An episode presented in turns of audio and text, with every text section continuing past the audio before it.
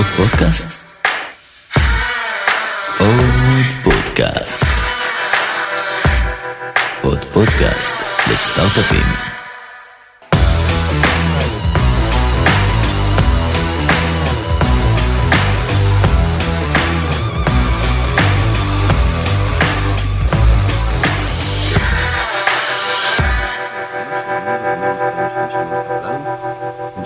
העליות, המועדות, הדרך והסודות של המוצרים והאנשים שמאחוריהם. אני דוד קלר, שותף מייסד ומנכ"ל סטודיו פריים, ואיתי יאיר קיווייקו, מנהל השיווק שלנו. אהלן. לפני שנתחיל, תודה גדולה לחברים טומי וגיא בעוד פודקאסט לסטארט-אפים שנותנים לנו את הבמה, והיום אנחנו שמחים לארח את איריס שור. היי איריס. אהלן, מה נשמע? בוקר טוב, מה שלומך? בסדר. אז אה, אנחנו נשמח ככה שתספרי לנו בכמה מילים על עצמך ועל אוריבי. מהמם. אמ, טוב, אז אמ, אוריבי הוא הסטארט-אפ השלישי שלי, בטח בהמשך הפרק נדבר קצת יותר על, אה, על האחרים גם. אמ, אוריבי במהות שלו הוא סטארט-אפ אה, B2B בסקייל גבוה, מה זה אומר? שבעצם אנחנו כן יוצרים מוצר מקצועי אבל עם דגש מאוד מאוד חזק על לראות איך בונים משהו שמאוד קל להשתמש בו, כלומר שעובד הרבה יותר במתכונת של, אה, של מוצרים פשוטים, כלומר משהו שכל אחד יכול לתפעל בעצמו, אה, הגעה הרבה יותר פשוטה ללקוחות, אה, מכירות כמעט בלי מגע. והמטרה שלנו ב Oribi, אני חושבת שזה נשמע מאוד יומרני, אבל בסוף זו המטרה, זה לראות איך מחליפים את Google Analytics, כלומר איך יוצרים marketing analytics שהוא מאוד פשוט וידידותי ולא מצריך עבודה עם קוד, ומאפשר באמת לכל החברות בגדלים שונים להבין את כל הפעילויות שיווק שלהם ומה בסוף יצא בצד השני וכמה באמת כל דבר תרם למכירות ולהתפתחות של החברה. אז בואי שנייה ככה נלך אחורה, את uh, סיפור היזמות הראשון שלך התחלת למעשה ב-2007, mm-hmm. uh, אבל לפני זה בכלל למדת uh, ארכיטקטורה, שזה מסלול יחסית חריג. כן. איך uh, מגיעים משם לפה? ולמה בעצם התחלת ללמוד ארכיטקטורה אם בסופו של דבר? כן. הגעת לעולם הזה. אז האמת שהתחלתי במסלול שהוא ככה יותר מקובל ליזמות, זאת אומרת התחלתי בתיכון או תואר במדעי המחשב, ואז אה, הייתי בתפקיד טכני במודיעין, ואחרי הצבא אה, החלטתי שאני רוצה ככה ללכת להגשים את החלום ילדות, ולעשות משהו יותר אומנותי, ו... וללמוד ארכיטקטורה. אמ, והלכתי ללמוד ארכיטקטורה בצלאל, האמת ש, שדי סבלתי לאורך כל הלימודים, אמ, וכן כבר... לא, לא לבד. כן, אני חושבת שיש הרבה, הרבה נפגעי בצלאל. אמ, דרך אגב, אני חושבת שהמקצוע הוא יפהפה, אבל אני חושבת שהפרקטיקה שלו היא מאוד לא מתאימה לי, כי זה מקצוע שבסוף הוא מאוד מאוד איטי, עד שמתכננים משהו, עד שבונים אותו, עד שרוב הפרויקטים בסוף לא יוצאים לפועל. אז אה, כשעושים את הלימודים בצד, גם בעצם יצא לי כמה שנים תוך כדי הלימודים לעבוד במשרדים, והבנתי שזה משהו שהוא בעצם מאוד לא מתאים לאופי שלי. אה, ואז ככה לקראת סוף הלימודים אה, עזבתי את התואר, וממש לא ידעתי מה אני רוצה לעשות עם החיים שלי. וזו הייתה תקופה ככה ש... אמ, שהרבה מאוד חבר'ה שהיו איתי בצבא הקימו סטארט-אפים וגייסו, לא יודעת, מיליון דולר או דברים כאלה שאז היה נשמע לנו סכומי עתק, אה, זהו, ואז החלטתי להקים סטארט-אפ. אמ, התחלתי בדרך הכי, הכי קלולסית שיש, כלומר עבדתי יחד עם שני שותפים, אמרנו טוב, אני מכירה ארכיטקטורה, מה קורה שם, בטח יש שם מה לעשות, כלומר במקום להבין באמת אה, מה השווקים הטובים, איפה קל לגייס כסף וזה, הלכנו ככה על מה שהיה הכי קרוב אליי. אה, בסופו של דבר זה הצליח, אבל אני לא חושבת שבדיעבד זו הדרך הטובה לבחור ככה רעיון או כיוון. אה, ובאמת התחלנו את כל העולם של אה, איך לוקחים שרטוט ונושא של מודלים דו-ממדיים, תלת-ממדיים לווב, ומהר מאוד זה גם לקח אותנו למובייל, זה היה ככה בדיוק בתקופה ש... שיצא אפליקציות לאייפון, והיינו ככה אחת מהאפליקציות ה-B2B הראשונות שם. אמ, זהו, זה ככה בעצם היה המהות של החברה הראשונה, אחר כך נרכשנו על ידי אוטודסק, ואז בעצם המשכנו לפתח את המוצר ב... כחלק מהמוצר המרכזי שלהם. אז בעצם מה, מה ויז'ואל טאו למעשה, למעשה עשתה? זאת אומרת, איזה בעיה פתרתם שם?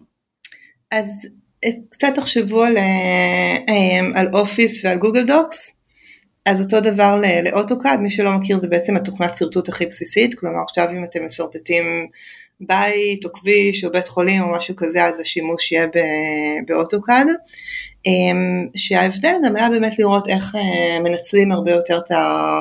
את המוביליות ואת השיתוף, כלומר לראות איך מוסיפים על זה הרבה יותר collaboration, זה משהו שמאוד צריך בתחום הזה, איך לוקחים את הנושא המובילי שאתה יכול באמת להיות בשטח ביחד עם התוכנית, להציג דברים שאתה בפגישה ובעצם שינינו קצת את המהות של מעבר לשרטוט טכני, איך באמת יוצרים על זה את כל הקולבורציה ואת הדרישות של השטח.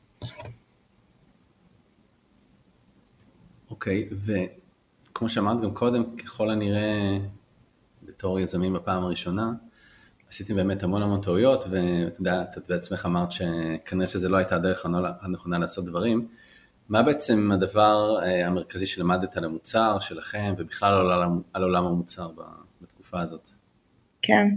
אמ, אני חושבת שבתקופה של, של החברה הזאת, קודם כל, אה, אמ, לא מספיק למדנו מחברות אחרות, כלומר קודם כל זו הייתה תקופה קצת שונה, לא היה אז אקסלרטורים, היה קצת פחות, אה, פחות קומיוניטי סביב זה, אבל, אבל זה היה קיים, כאילו מאוד ניסינו ליצור הכל מאפס, להבין מה אנחנו, אמ, מה אנחנו רוצים לעשות, בלי באמת להבין באמת מה עבד לחברות אחרות, עכשיו אני לא אומרת שזה תמיד נכון, כלומר בסוף אם, אם היה צריך ללמוד רק מחברות אחרות אז כל אחד היה יכול להצליח, אבל היינו נורא בבועה של עצמנו, אמ, אני חושבת שלא כל כך הבנו מספיק את המונחים הבסיסיים של לחשוב יותר בסקייל, של להבין מה זו עסקה, אמ, כלומר היינו מאוד במקום של טוב בואו שיעשו קולבורציה על שרטוטים ויתחיל לעבוד עם איזה שני משרדים בארץ.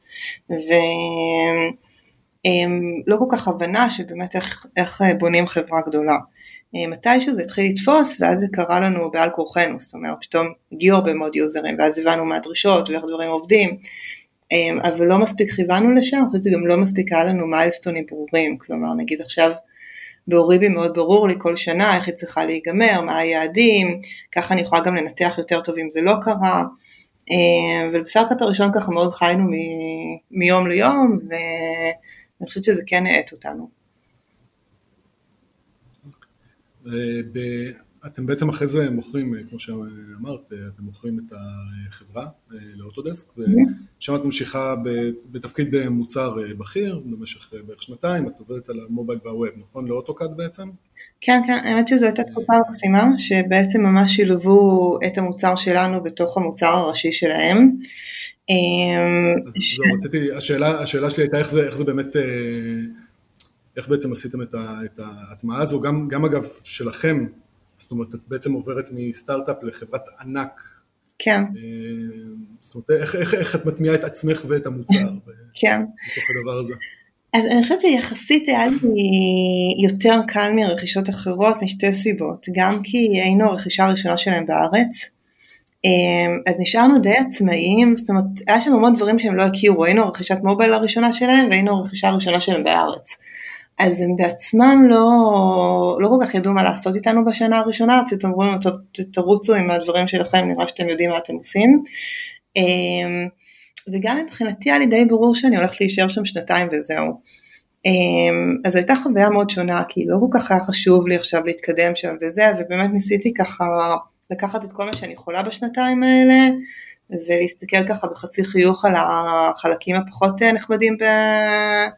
ב enterprise. אמ, אני כן חושבת שהיינו קצת במנטליות יותר, יותר מדי סטארט-אפית, כלומר לא, לא הצלחנו להבין למה כל דבר צריך לעבור 20 אה, אנשים ו...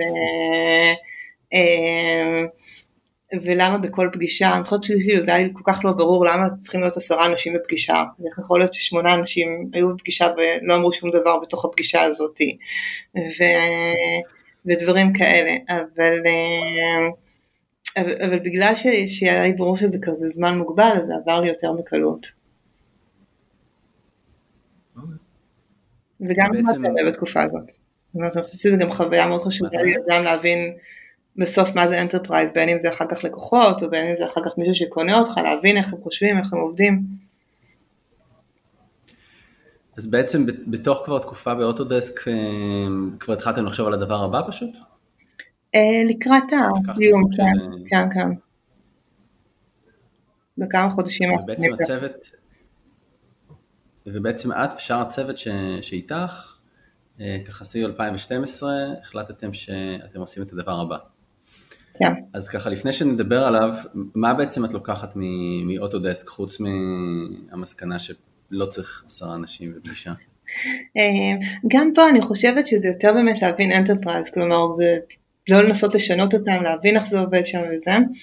אה, אבל מה שלי היה מדהים לראות זה קודם כל scale מאוד גבוה, כלומר שאני עשיתי עם Autodesk, היה לנו כמה מיליוני יוזרים למוצר.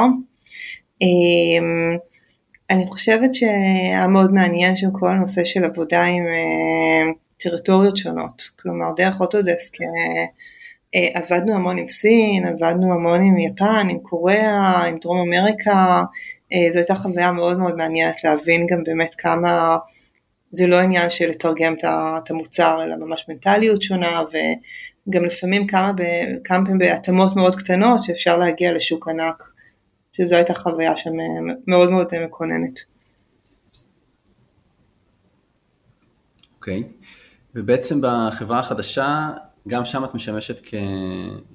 כסמנכ"לית המוצר, איך זה הרגיש לך ככה לחזור פתאום אחורה ולהקים משהו מאפס, אה, כל ככה מחדש?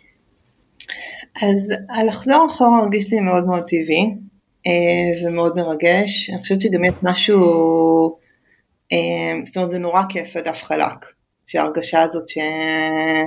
אני חושבת שגם ב Takipi וגם ב Oribi שהתחלתי אמרתי זהו עכשיו אני הולכת לתקן את כל הטעויות שעשיתי בסטארט-אפ הקודם והגעתי עם מוטיבציה בשמיים לגבי כל דבר ואיך אני אבנה את ה brand ואיך אני עכשיו אבנה את ה culture ואיך אני זה ובסוף גם זה, זה לא כל כך הולך כי, כי, כי הדברים האלה נורא מורכבים והמציאות כל הזמן ככה מרימה את הראש שלה אבל ההתחלה היא מאוד מרגשת. מה שכן, בתקיפי הייתי ממש באימה בהתחלה, בגלל שזה התחום שפחות אה, הכרתי. כלומר, כן היה לי רקע בפיתוח וזה, אבל בניגוד לסטארט-אפ הקודם, שהרגשתי ככה שאני מביאה את הדומיין אקספרטי ושאני מכירה שם כל, אה, כל פיפס, אז פה הרגשתי ש... שאני לא בטוחה שיש לי מה לתרום. אה, וממש בהתחלה הייתי באימה שהצליח לי נורא בפעם הקודמת ועכשיו אין לי שום דבר מה לתרום, אין סיבה שאני אהיה בחברה. אה, בדיעבד אני חושבת שעשיתי עבודה הרבה יותר טובה מאשר בסטארט-אפ הראשון באיזשהו מקום בגלל הניתוק מה... מהמוצר. כלומר, בגלל שהתייחסתי לזה באופן הרבה יותר קר, ויכולתי, אתן דוגמה נגיד בבלוג שבנינו, שהגיע להיות אה, בלוג עם, אה, בלוג מאוד טכני אבל עם מעל 100 אה, אלף unique visitors בחודש ושהוא היה ככה ה lead generation המרכזי, לא אמרתי בוא אני אכתוב עכשיו בנושאים שמעניינים אותי, אלא ממש ניתחתי בדיוק איזה תכנים עובדים לחברות אחרות, מה מביא את הכי הרבה traffic, איך הבלוג צריך להיות כתוב, כלומר זה היה מאוד, מאוד מכני. אמ, וזה עזר לי להביא תוצאות הרבה יותר טובות, גם ב product, כלומר לא היה לי שם שום סנטימנטים וזה, אבל אני חושבת שבגלל זה הצלחתי לשבור המון המון תבניות, כלומר אם כנראה איש product שמגיע מרקע של פיתוח היה עושה משהו שנראה כמו סביבת פיתוח, אז הלכנו לכיוון אחר לגמרי שעבד מאוד טוב, אמ, שעשה גם חוויה שונה, שסיפר את הסיפור של המוצר, אמ, ובכלל אני חייבת להגיד שהם אני רואה הרבה יזמים שמנסים ללכת לתחום מסוים כי הם מרגישים שהם קרובים אליו, הם אוהבים אותו. אה, ברור שזה אינדיבידואלי, אבל אני מרגישה שברוב הפעמים מה שמעניין בחברה זה, זה הבריאה של הדברים והיצירה של הדברים וזה לא כל כך משנה מה התחום, זאת אומרת זה כמו שתאהב את הילד שלך גם אם הוא לא בדיוק דומה לך וזה זה, זה פשוט נוצר קשר מאוד מאוד חזק למוצר, ולפעמים שיש פחות חיבור אה, היסטורי, אה, אפשר לעשות עבודה הרבה יותר טובה. ובעצם מה, מה, מה הבעיה ש, שניסיתם לפתור עם החברה החדשה? באיזה שוק אה, עבדתם? אז הלכנו לשוק שונה שונה לגמרי מהחברה הקודמת, לשוק של אה, מתכנתים ו... ו DevOps, והתמקדנו בעצם בכל הנושא של איך מנתחים ריצה של קוד בסביבה של production.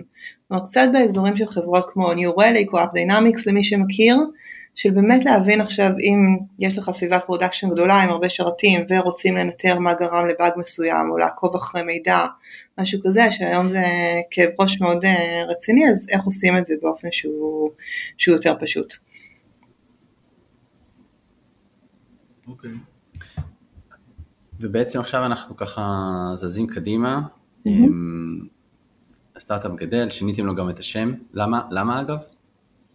אז האמת שאני הייתי, ב... אז אני הייתי בסטארט-אפ אה, ארבע שנים ואז עזבתי. אמ, השם שונה אחרי תקופתי, הגיע VP marketing אה, חדש. אמ, אני חייבת להגיד שכאילו התפיסה שלי זה שהרבה פעמים מנסים ככה לשנות את, ה, את השם ואת, ה, ואת ה brand אמ, וזה יוצר הרבה פעמים הרבה מאוד עבודה של לשנות את הכל, זה פרויקטים מאוד גדולים. אני בתפיסה שזה פחות דברים שהם קריטיים, כלומר אלא אם כן יש באמת שם שהוא, שהוא בעייתי, או ברנד שהוא בעייתי, או לוגו שהוא בעייתי. אמ, אני חושבת שזה הדברים שבדרך כלל קצת פחות משנים. אמ, זה קורה בהמון המון חברות, כלומר זה לא היה איזה משהו, איזה משהו נדיר. זהו, בכלל אני בתפיסה ששם צריך להיות משהו שהוא מאוד גנרי. כי אף פעם לא יודעים בדיוק לאן החברה תלך, משהו שקל לאיית, שלא תגיד למישהו שזה המוצר המדהים שאתה משתמש בו ואחר כך הוא לא ידע איך למצוא את זה, אה, וזהו פחות או יותר. אוקיי, okay. אה, אז בעצם ב-2016 עזבת את OverOps אה, ועכשיו את מקימה את Oribi והפעם סוג של לבד. כן. וגם את לוקחת על עצמך בעצם אה, תפקיד שהוא לאו דווקא המוצר, אלא דווקא תפקיד המנכ"לית. כן. ועכשיו, זורם לך בדם מוצר, אז כמה את בתור מנכ"לית מעורבת בעצם במוצר עצמו ב Oribi?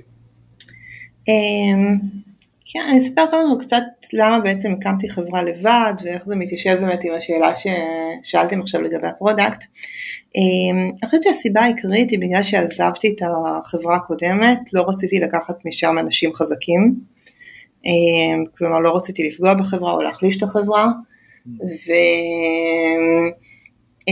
וזהו, זה לא איזה אידיאל או משהו כזה, אבל לא הרגשתי שאני רוצה להתחיל חברה עם מישהו או מישהי שאני לא מכירה אותה מספיק טוב או שלא עבדתי איתם, אה, כלומר לא היה אף אחד או אחת בזמנו שאמרתי הנה בן אדם שאני רוצה לצאת איתו למסע הזה.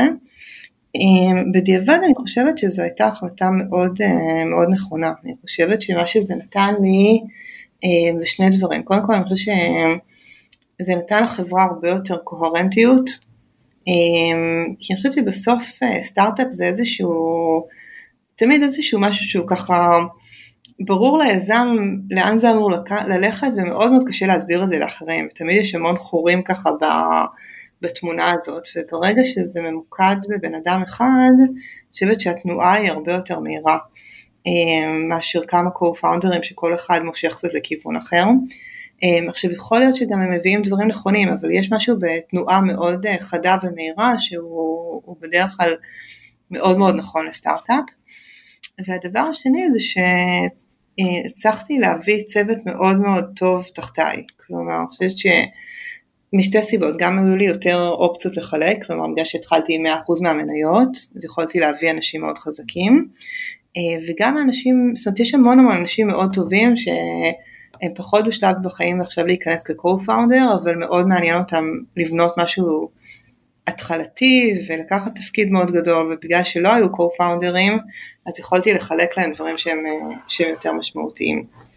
עכשיו לגבי השאלה על ה product, אז כשהתחלתי את Oribi בעצם, או לפני שהתחלתי את Oribi ניסיתי לשאול את עצמי איזה סוג חברה אני, אני רוצה לבנות. אני זוכרת שאחת מהשיחות שלי כזה השפיעו עליי זה שפעם דיברתי עם אה, אבישי מוויקס והוא אמר לי על וויקס שזאת זה לא שהם התחילו בלחשוב מה רעיון טוב, הוא אמר אני לא רוצה חברה, אני לא רוצה לטוס כל הזמן, אני לא רוצה מכירות enterprise כי אין לי כוח לזה. כלומר זה יותר להבין מה, קודם כל איזה סוג חברה מעניין לבנות. אמ, ואני הגעתי ל Oribi יותר מהשאלה הזאת, ואמרתי לעצמי אוקיי מה הכי מעניין אותי ומה אני עושה הכי טוב, אמרתי אוקיי זה product ו marketing, וגם את שניהם באופן מאוד, אה, מאוד הוליסטי אחד עם השני. אמרתי אוקיי אז בגלל זה מעניין אותי כן לבנות חברה שהיא אמ, תהיה ב scale מאוד גבוה, כלומר נורא מעניין אותי לקחת עכשיו איזה מוצר שאנשים לא אוהבים ולראות איך בונים אותו מחדש בדרך שונה.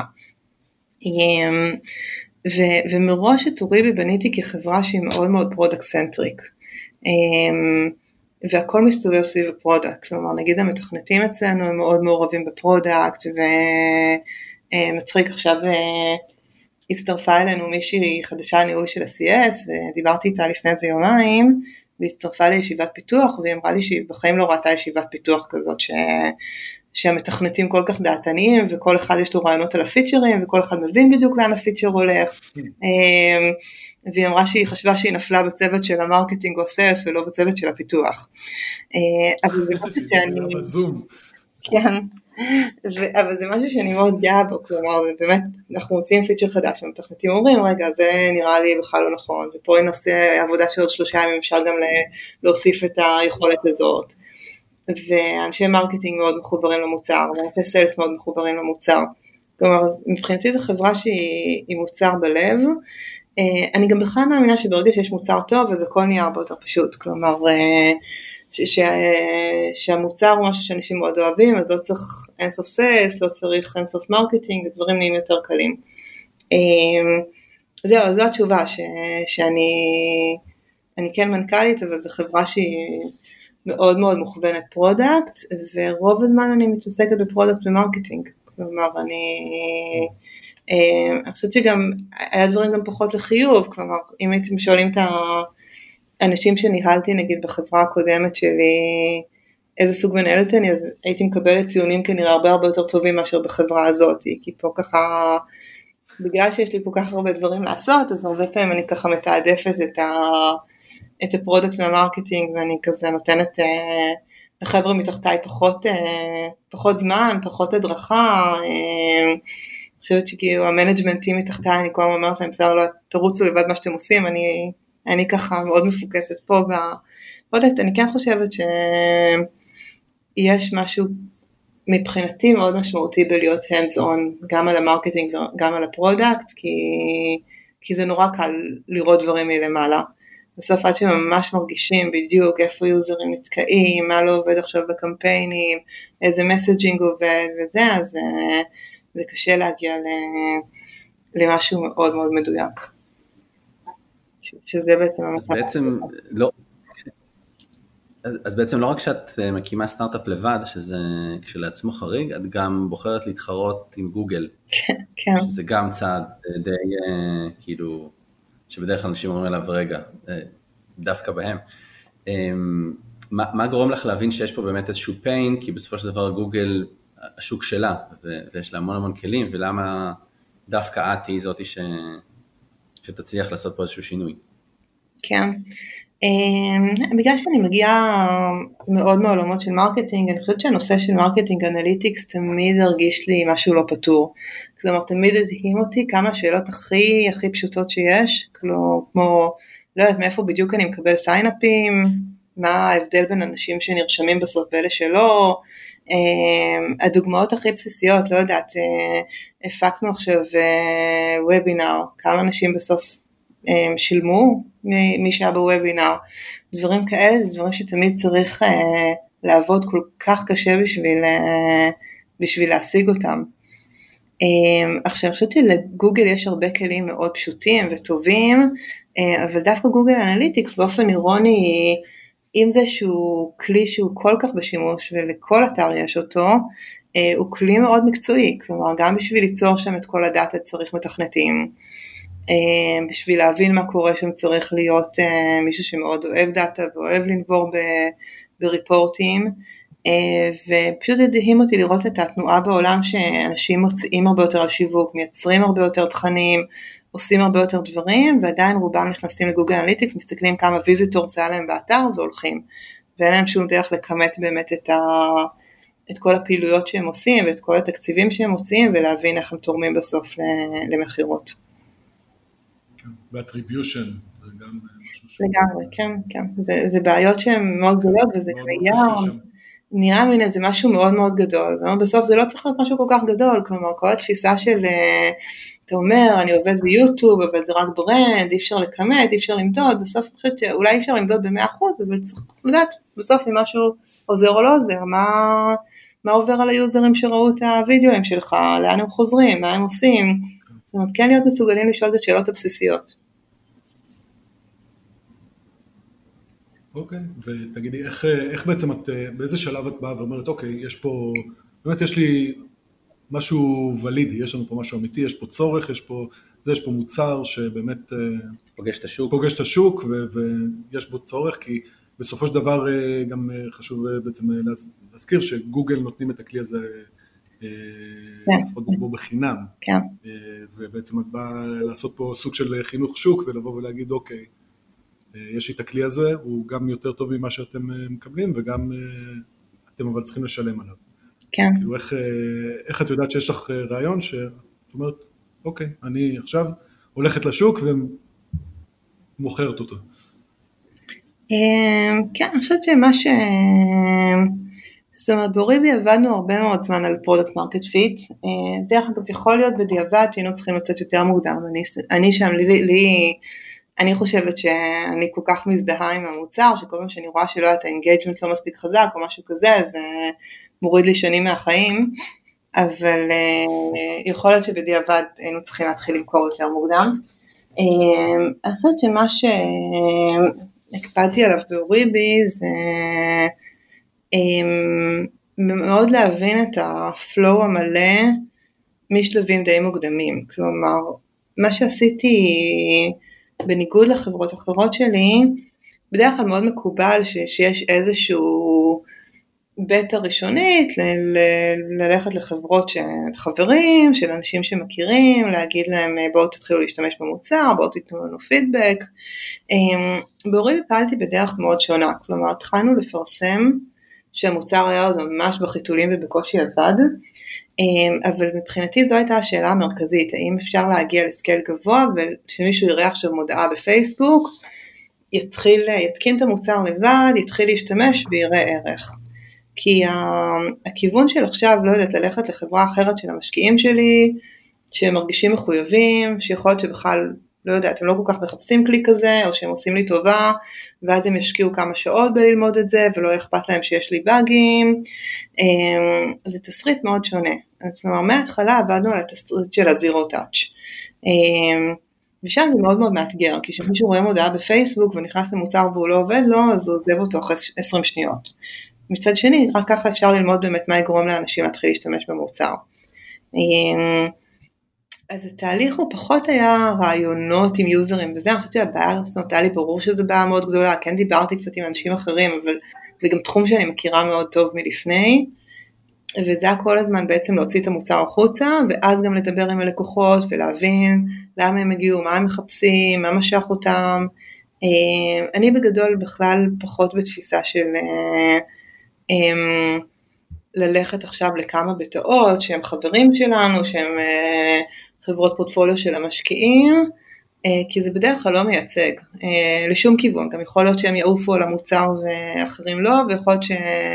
שהם יגידו שזה לא מספיק, אה, אתן דוגמה נגיד עם, עם טקיפי, OverOps, החברה הקודמת שלי, אז התחלנו בבטאות בארץ עם DevOps, שזה ככה היוזרים הכי מתוחכמים שיש, והם אמרו לנו אי אפשר בלי זה, אי אפשר בלי זה, אי אפשר בלי זה, אי אפשר בלי זה, וברגע שהלכנו לקהל אמריקאי אז הם השתמשו בכיף ו... והיו הרבה פחות uh, קשוחים. אז, uh, אז זה מאוד בעצם ליצור את ה flow הנכון מההתחלה ולהתעקש על uh, לפצח אותו. מעניין, אוקיי.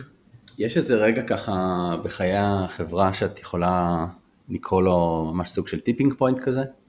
שבו אתם אומרים, אוקיי, זה באמת, אה, זהו, מכאן זה, זה לגדול, אבל uh, השגנו פה איזה משהו ש, שאנחנו, שאנחנו מבינים ש...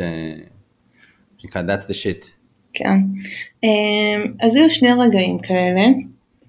Um, זה קשה לי להסביר בדיוק, זאת אומרת, את, את הקטע, את, ה, את הנקודה השנייה זה יותר קל להסביר, את הנקודה הראשונה, אמ, זה לא משהו שאפשר כל כך לכמת, אבל אני חושבת שאחרי הרבה מאוד עבודה על המוצר, ואחרי הרבה חודשים שהרגשתי שזה לא שם, אמ, הייתה איזו תקופה שאמרנו, רגע, לא מפתחים שום דבר חדש, וכל מה שעושים עכשיו זה לוקחים את השלושה ארבעה פיצ'רים המרכזיים, ומשייפים אותם מכל הכיוונים. מהפלואו והמהירות וה-UI והיכולות. זאת אומרת ממש הקפיצה הזאת ממשהו שהוא כזה חצי כוח למשהו שהוא טוב. אמ, ושם פתאום ראינו, ראינו שפעם ראשונה יוזרים ממש משתמשים ומבינים בדיוק מה המוצר עושה. אמ, גם עכשיו אני המון פעמים מגיעה לנקודה ש, שיש איזה פיצ'ר שאנחנו מרגישים שכולם מבקשים והוא והוא must have והוא לא המון פיתוח ומצד שני הרצון הזה כל הזמן אה, לשפר את הפיצ'רים הקיימים. אני יכולה להגיד שלא קרה אף פעם שעבדנו ברצינות על פיצ'ר קיים ולא ראינו שינויים מאוד משמעותיים אחר כך. אמ, אז זו הייתה נקודה אחת שפתאום ממש ראיתי. שה engagement הרבה יותר גבוה ושהפידבק הרבה יותר חיובי. נקודה שנייה הייתה כמה חודשים אחר כך, בעצם אחרי שהגעתי לנקודה הזאת אמרתי אוקיי עכשיו עכשיו זה הזמן להתחיל אה, לבנות צוות שהוא יותר מוכוון ל marketing ו sales, זאת אומרת ה product הגיע לאיזושהי בגרות, אה, ואז לקחו כמה חודשים עד שהבאנו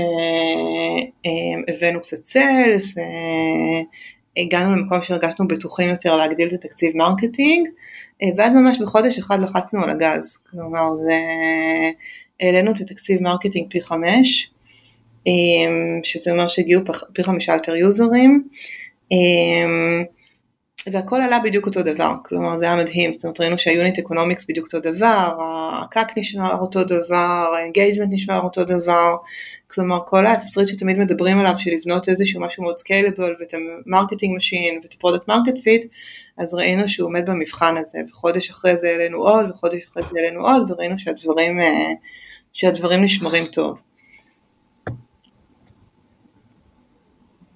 אוקיי, מגניב, שכאילו, אה, זאת אומרת, זה לא אותו דבר, אלא זה עולה אקספוננציאלית יחד עם ה... כן, אבל ש... שבסוף הבסיס... יחד עם ההגדלת תקציב בעצם. כן, שהצלחנו לשכפל ממש את מה שעובד בסקייל יותר גבוה. מדהים.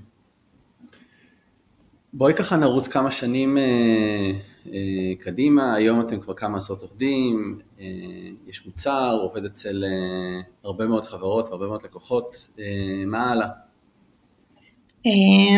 אז אם תיארתי בעצם מה שעברנו לפני, זה היה קרוב לשנה של הקפיצה הזאת בסקייל, עכשיו אנחנו בעצם מתכוננים לקפיצה הבאה המשמעותית. ולראות באמת איך עכשיו אפשר עוד פעם להכפיל הכל פי חמש או פי עשר. אה, שזה גם באמת מחייב אה, התכוננות שונה.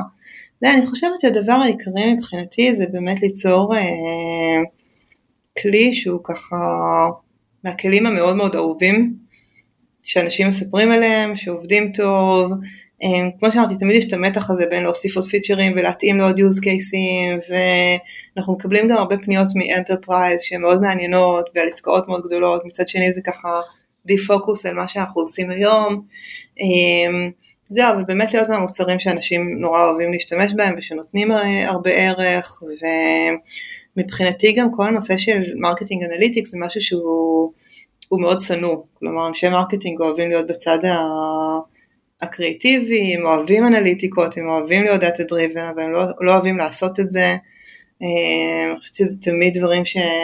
אתה רואה מספרים שונים בכל מקום, אתה לא ברור, מה, לא ברור לך מה מדדת, מאיפה הגיע הנתון הזה, אם זה נכון או לא נכון, אז באמת לראות אם אפשר את הבסיס הזה של כל ה marketing להפוך לחוויה הרבה יותר טובה. ודיברת עכשיו על אה, מה שנקרא להיות, להיות כלי או, או מוצר שאנשים אוהבים, אה, שזה בעצם במידה מסוימת סוג של holy grail של כל, כל מוצר. אה, וכל חברה. מה בעצם גורם למוצר להיות סוג, סוג מוצר כזה לדעתך? להיות מוצר אהוב בעצם. אמ, אני חושבת שזה בעיקר המקום של לראות הרבה ערך. אמ, פה אני כן חושבת שזה גם עבודה מאוד הוליסטית של כל החברה, זאת אומרת זה הספורט, זה האתר, זה החומרים, זה הוידאוים, אה, זה משהו שהם מרגישים שהוא, שהוא, עובד, אה, שהוא עובד לטובתך, אני חושבת שיש המון דברים קטנים שאנחנו עושים במוצר, אה, שאנחנו רואים שמאוד משפיעים על יוזרים, זה הרבה אנימציות קטנות, זה הרבה להסביר בדיוק למה משהו הגיע בדרך מסוימת, זה לספר ממש את הסיפור של, ה, אמ, של הדאטה. אמ, כלומר זה מדהים אותנו לראות שגם בחברות שמוציאות אה, מיליוני דולרים בשנה, עדיין הרבה פעמים אנשים לא יודעים בדיוק אז מה זה אומר ה-conversion rate, אתם מודדים ככה או אתם מודדים ככה. אז אנחנו עובדים הרבה כדי לגרום לאנשים אה, לא להרגיש טיפשים. אני חושבת שהרבה מוצרי אנליטיקס אה, גורמים לאנשים להרגיש לא טוב עם עצמם. אה, ופה אנחנו במקום ש, שאנחנו אומרים, תכלס אף אחד כמעט לא יודע כלום ורוב האנשים הם לא data geeks, אה, בטח לא אנשי marketing, ו, ולתת להם לראות איך, כאילו, לראות איך מספרים להם את הסיפור הזה, ומה הם יכולים להבין, ולתת להם להרגיש טוב עם עצמם. זה מעניין לעשות product uh, marketing לאנשי marketing, ואת כן. זה מעניין, כי זה קהל, זה קהל קשוח. האמת שזה קהל מאוד, אה, ביחס לשתי החברות האחרונות שלי זה קהל מאוד, אה, אה, זה קהל מאוד מאוד פתוח, אז נורא כיף לעבוד איתם, יש להם מלא רעיונות, יש להם מלא פידבק. כן, לגמרי. אז, אז שם זה מאוד כיף. מגניב. חוץ מהעניין הזה של להשיק מאוחר שהתייחסת אליו קודם, אה, מה בראייה לאחור היית עושה היום לגמרי אחרת? אה, אז ככה, כמה דברים. קודם כל, מה שאמרתי על פוקוס יותר על... אה, זאת אומרת, פחות פיצ'רים יותר טוב. אני חושבת ש... כן באמת, זה קשור לזה העניין של הפוקוס, אני חושבת שנגיד, מאוד לא היה ברור לנו, אנחנו גם תומכים באי-קומרס, לא תומכים באי-קומרס, דברים כאלה ש... אני חושבת שלקחנו איזו החלטה שכן, אבל לא, אבל אין לנו מספיק משאבים כדי ליצור שם, זאת אומרת, יש כלי שאנשים אוהבים והוא יותר טוב ממה שיש בשוק, אבל הוא לא בדיוק עדיין כלי בשבילם. אז אני חושבת כן, עם זה שאנחנו רוצים ליצור משהו שהוא מאוד רחב ומתאים לרוב השוק, ולא עכשיו לטפל באיזה use case ספציפי, אז כן יותר פוקוס על, ה, אמ, על המוצר. אמ, אני חושבת שאין לנו מספיק אמ, כאילו האדיוקיישן סביב המוצר, רק עכשיו אנחנו בונים אותו כמו שצריך, כלומר כמה שזה מוצר פשוט ולואו טאץ' וזה, עדיין עכשיו נגיד רק אנחנו בונים קורס ש... שממש מלמד אנשים איך להשתמש ונכנסים להרבה יותר use cases, יש לך בלוג, איך אתה מנתח אותו, כלומר להוסיף, אה, אם דיברתי קודם קצת על לא, לא לגרום לאנשים להרגיש טיפשים, אז אני חושבת שזה עדיין קורה, בגלל שזה דברים כל כך מסובכים. אז להעצים, אה, להעצים את זה ולהעצים את החומרים מסביב, באופן מאוד חכם, אני נגיד תמיד מתעצבנת שאומרים לי שמשהו לא, אנשים לא מבינים אותו, אז אנשים אומרים טוב אז בוא נוסיף אה, pop-up שאומר אם אתה רוצה ככה תעשה ככה, אה, כאילו תמיד זה מרגיש לי נורא פלסטרים. אה, אני בכלל בגישה של אם, אם יש צ'רן הבעיה היא במוצר, היא לא בגלל שלא יודעת הספורט שלנו לא מספיק טוב, אם אנשים לא הבינו אז הבעיה היא במוצר. אבל בתוך המוצר גם לשלב משהו שהוא הרבה יותר מובנה ויותר uh, להסביר להם על ה-use cases השונים. אמ, זאת אומרת, במקום להגיד להם תלחץ פה בשביל זה, להסביר להם למה, כאילו. כן. צריך להיות ברור בלי שיסביר. כן, כאילו, זו הכוונה, לגרום להם להבין למה בכלל הם צריכים לעשות את זה. כן. אמ, הנושא הזה של, של, של over featuring שקצת התייחסת אליו, אה, הוא משהו שבעצם קורה להמון המון סטארט-אפים בתחילת הדרך, והמון אה, יזמים אחרי זה אומרים, כן, אנחנו באמת עשינו את הטעות הזאת ו- ולא ידענו וניסינו לעשות גם את זה וגם את זה וגם את זה. Um, למה לדעת איך זה קורה בתחילת הדרך, הדבר הזה, ואיך אפשר להימנע ממנו? אמ, זה מדהים כי זה באמת קורה המון וזה מצחיק שכאילו על עצמי לא כל כך ראיתי את זה, וכל פעם שאני יושבת עם יזמים אחרים והם אומרים לי, טוב, עכשיו אני מתחיל משהו ואני חייב מערכת ריפורטינג שלנו, כי אי אפשר להשתמש, אי אפשר סתם לייצא לאקסל, ואני חייב צ'אט פנימי, כי יראו ככה, ואני חייב שהכל יהיה אפשר לקסטם אותו, ואני אומרת כאילו, נפלתם על הראש, לא יודעת, יש לכם מערכת AI שעושה ככה, תתעסקו רק בזה, מה אתם צריכים עכשיו ריפורטינג וצ'אט וזה. אני חושבת שיש משהו שהוא תמיד ככה, קודם כל זה משהו שתמיד עולה מיוזרים, ואז הם אומרים אבל אני לא יכול את זה בלי שיהיה לי ריפורט כזה, ואני לא יכול את זה בלי ככה, אה, וזה נשמע נורא הגיוני בזמנו. אמ, וגם אני חושבת שיש הרבה פעמים בתחילת הדרך העלויות פיתוח הרבה יותר נמוכות.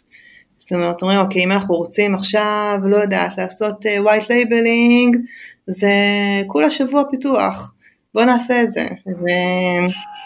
ואין מספיק מודעות לכמה בסוף כל פיצ'ר הוא, הוא יוצר איזה גיבנת כזאת על המערכת, כי זה משהו שאחר כך מבקשים עליו עוד תוספות, ואחר כך יש יכולות להיות בו, יכולים להיות בו באגים, וצריך להסביר אותו, והמערכת נהיית יותר מורכבת כי יש עכשיו עוד דיאלוג ועוד משהו לעשות, אז אמ, אני חושבת שנמצאים בשלבים יותר מאוחרים, גם באמת להוסיף כל דבר הוא מאוד מסובך. אה, אבל בהתחלה הכל מרגיש כל כך זול, ויש לו ערך כל כך גבוה, ולא מבינים מספיק את ההשלכות אחר כך, אז בגלל זה זה הרבה פעמים קורה. איך אפשר להימנע מזה לדעתך? אמ, צריך משמעת ברזל, צריך להבין את זה. אמ, זהו, זה בעיקר הבנה עמוקה של זה ו... והמון המון משמעת, כי, כי באמת יש כל כך הרבה דברים, אני גם רואה את זה אצלנו נגיד אה, עכשיו גם ב product וגם ב marketing, שמדי פעם אנחנו אומרים רגע למה שלא נעשה את הפרויקט הזה של היומיים, למה שלא נכתוב פוסט כזה, וכל מיני דברים שהם לא באסטרטגיה, זה לא משהו שעכשיו אנחנו מאמינים שבאמת יכול לקדם אותנו מאוד, אבל זה כזה שם, וזה מרגיש כל כך קל. ו... אה, זה, אני חושבת שזה בעיקר הנושא של באמת להבין ש... ששום דבר לא נגמר בזמן פיתוח שלו, שאחר כך זה דברים שסוחבים הרבה זמן אחר כך, והם משפיעים, וכל עוד אה, כפתור ודיאלוג שמוסיפים למערכת זה, זה משהו שמכביד על השימוש. אה, זה, זה בעיקר. אז ככה, שאלה ככה לקראת סיום, אמ, אמרת שאת יושבת הרבה עם יזמים ועם אה, חבר'ה שככה בונים דברים, אמ, מה, מה את ממליצה לאנשים ש, שרוצים לפתח איזשהו מוצר או, או להתחיל אה, סטארט-אפ חדש, אה, ככה בראייה לאחור ועם כל הניסיון שצברת בשנים האחרונות, מה, מה הם, נקרא לזה, שלושת הטיפים הכי חשובים שאת, שאת נותנת ליזמים? אז טיפ ראשון הייתי אומרת שלזוז כמה שיותר מהר. אני חושבת שכולם עושים המון טעויות, תמיד, אה, ויש הבדל עצום אם הצלחתם לדחוף את כל הטעויות בחצי שנה או שעשיתם את זה על פני שלוש שנים. אה, כלומר, אני רואה הרבה יזמים שאומרים לי עכשיו אני כבר חודשיים עובד על תוכנית עסקית. עכשיו אני כבר שלושה חודשים מתייעץ עם אנשים שבנו מערכות כאלה. אה, ואני מרגישה זאת אומרת כל יום בסטארט-אפ הוא, הוא משמעותי. אה, אני נורא מנסה לצאת עם דברים כמה שיותר מוקדם, אני, כמו שתיארתי את התקופה הראשונה שבעצם הוצאנו מוצר אה, לא בשל בכלל, והרבה אנשים אמרו לי, זאת אומרת, אבל את מקלקלת ה brand, מה אנשים יחשבו, ו... וזה סיכון שלקחתי, אמרתי בסוף זה קהל ענק, ו- וכן, יהיה פה עכשיו, אה, לא יודעת, 400 איש יחשבו שזה מוצר על הפנים ולעולם לא יחזרו, ויכול להיות שכל אחד יגיד את זה לחמישה חברים שלו, אה, אבל חייבים לקחת את הסיכונים האלה. כלומר, אני רואה שחברות שהן נורא נורא איטיות וזה, וזה מאוד משפיע, כי אחרת אף פעם אפשר לדעת לאיזה כיוון ללכת.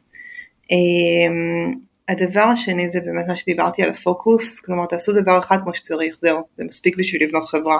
שמסתכלים בסוף על, ה, על החברות הכי מוצלחות, הם לא הצליחו בגלל שהיה להם 50 אה, פיצ'רים, הם הצליחו כי הם עשו משהו אחד ממש ממש טוב, אה, ולהתמקד שם. אה,